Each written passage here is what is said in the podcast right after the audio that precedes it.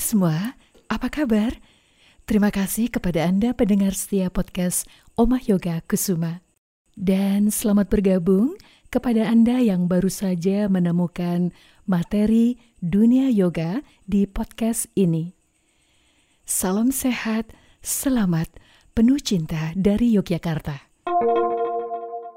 Selasa 20 Juli kemarin, kami tidak hadir. Kami semua yang merayakan Hari Raya Idul Adha menggemakan takbir, mengagungkan Yang Maha Suci, membersihkan hati. Kali ini saya hadir memenuhi janji di pertemuan sebelum libur Idul Adha. Bagaimana cara berlatih asana yoga?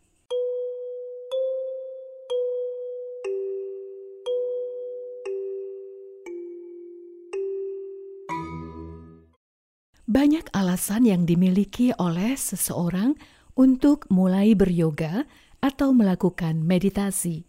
Padahal jalan sudah disediakan.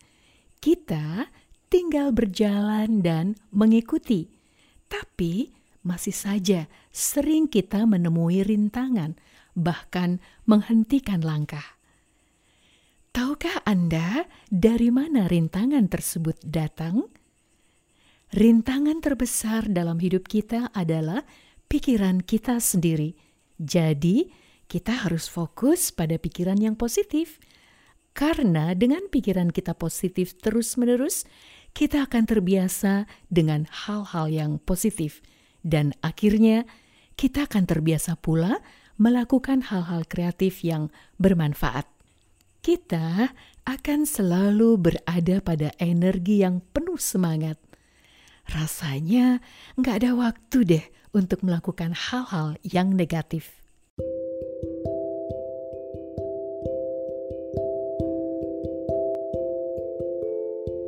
Pada beberapa episode podcast sebelumnya, sudah dijelaskan bahwa asana merupakan postur atau gerakan yoga yang nyaman atau sebuah sikap tubuh yang dipertahankan dalam waktu dan cara tertentu dengan varian metode seperti peregangan, balancing, pernafasan, dan penghayatan. Kebanyakan orang salah mengerti tentang senam yoga atau melakukan asana yoga.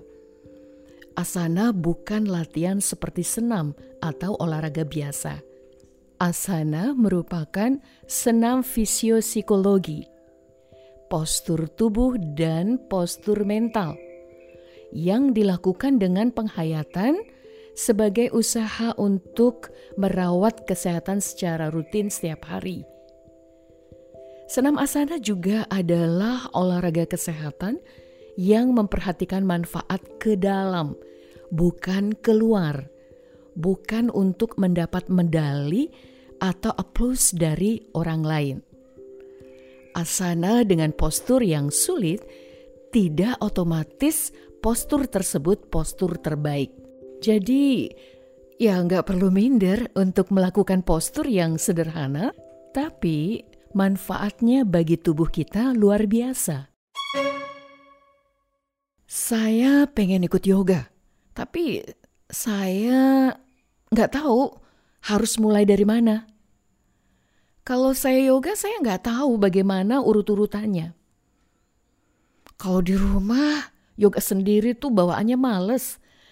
Tapi kalau di kelas enak, ada temennya soalnya. Ada kelebihannya untuk yoga di kelas, karena kita termotivasi dan selalu bersemangat. Tetapi sebenarnya yoga itu kan adalah kegiatan yang sangat personal, karena kita belajar terus-menerus menyelami diri.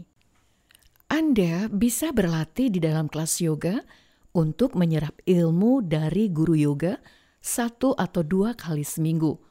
Dan di hari-hari lain, Anda bisa latihan di rumah.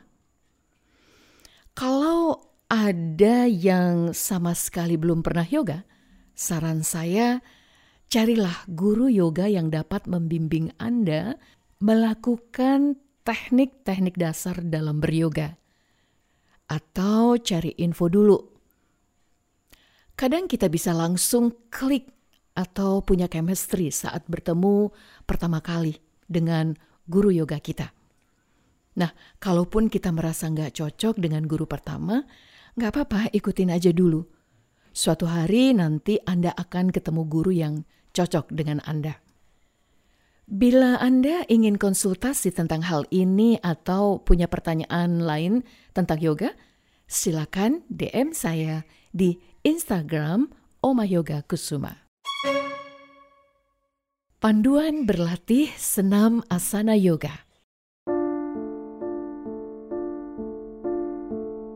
Sebuah sesi yoga secara umum dilakukan dengan berlatih pernafasan lebih dahulu, lalu pemanasan, agar persendian dan otot-otot Anda menjadi lebih siap dan terhindar dari cedera.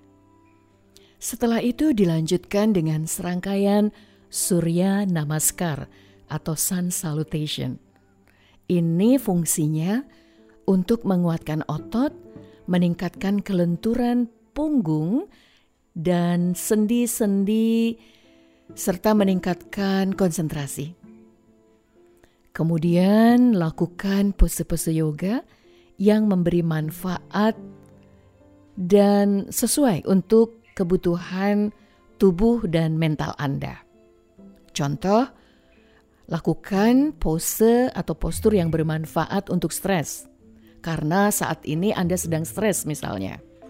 Maka kita pilih gerakan yang dapat mengatasi stres.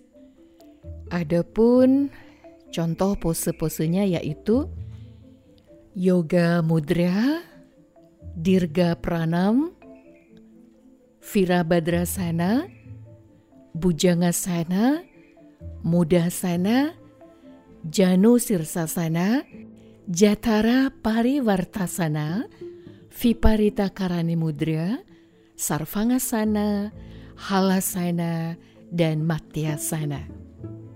Nah, ini nanti diakhiri dengan relaksasi total dengan pose Savasana. Bila Anda menginginkan meditasi, silakan bermeditasilah. Semua gerakan dan posenya punya filosofi, bahkan bisa dijelaskan secara ilmiah. Persiapan sebelum yoga. Setelah niat, tubuh sehat, fisik ataupun mental. Nggak ada penyakit berat yang sedang Anda derita. Kalaupun ada, sebaiknya minta saran ke dokter Anda. Dokter akan memberi nasihat apakah latihan yoga aman atau tidak bagi Anda. Apalagi bila Anda baru saja menjalani operasi. Ketika Anda benar-benar punya niat dari hati, Anda juga tidak menganggap bahwa latihan yoga hanya sebagai rutinitas saja, tetapi cara untuk Anda bertransformasi diri menjadi lebih baik. Selanjutnya, lepas perhiasan dan lensa kontak. Lalu gunakan pakaian olahraga yang nyaman, lentur, dan longgar. Anda tidak menggunakan alas kaki. Sebaiknya dua jam sebelum yoga, perut kosong. Anda boleh minum air putih atau jus buah atau susu. Itu tidak masalah. Kemudian, sebaiknya disarankan mandi sebelum yoga. Beryogalah di atas matras yoga atau karpet atau alas yang aman. Hormati tubuhmu, selaraskan gerak, nafas yang lembut dan dalam, serta pikiran, agar selalu meditatif.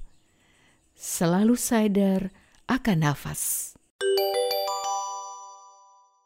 Perhatian, karena podcast ini sifatnya audio, jadi saya tidak dapat memberi contoh atau membantu senam asana yoga.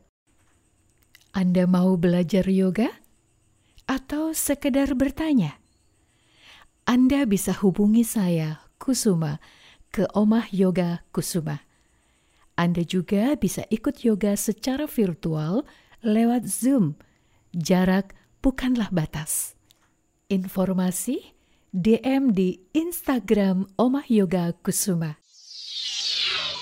Yoga sudah terbukti memberi manfaat bagi kesehatan dan jiwa. Jadi, tidak perlu diragukan lagi untuk mulai berlatih yoga. Doa terbaik buat yang sedang sakit atau isoman di rumah. Segera pulih sehat ya.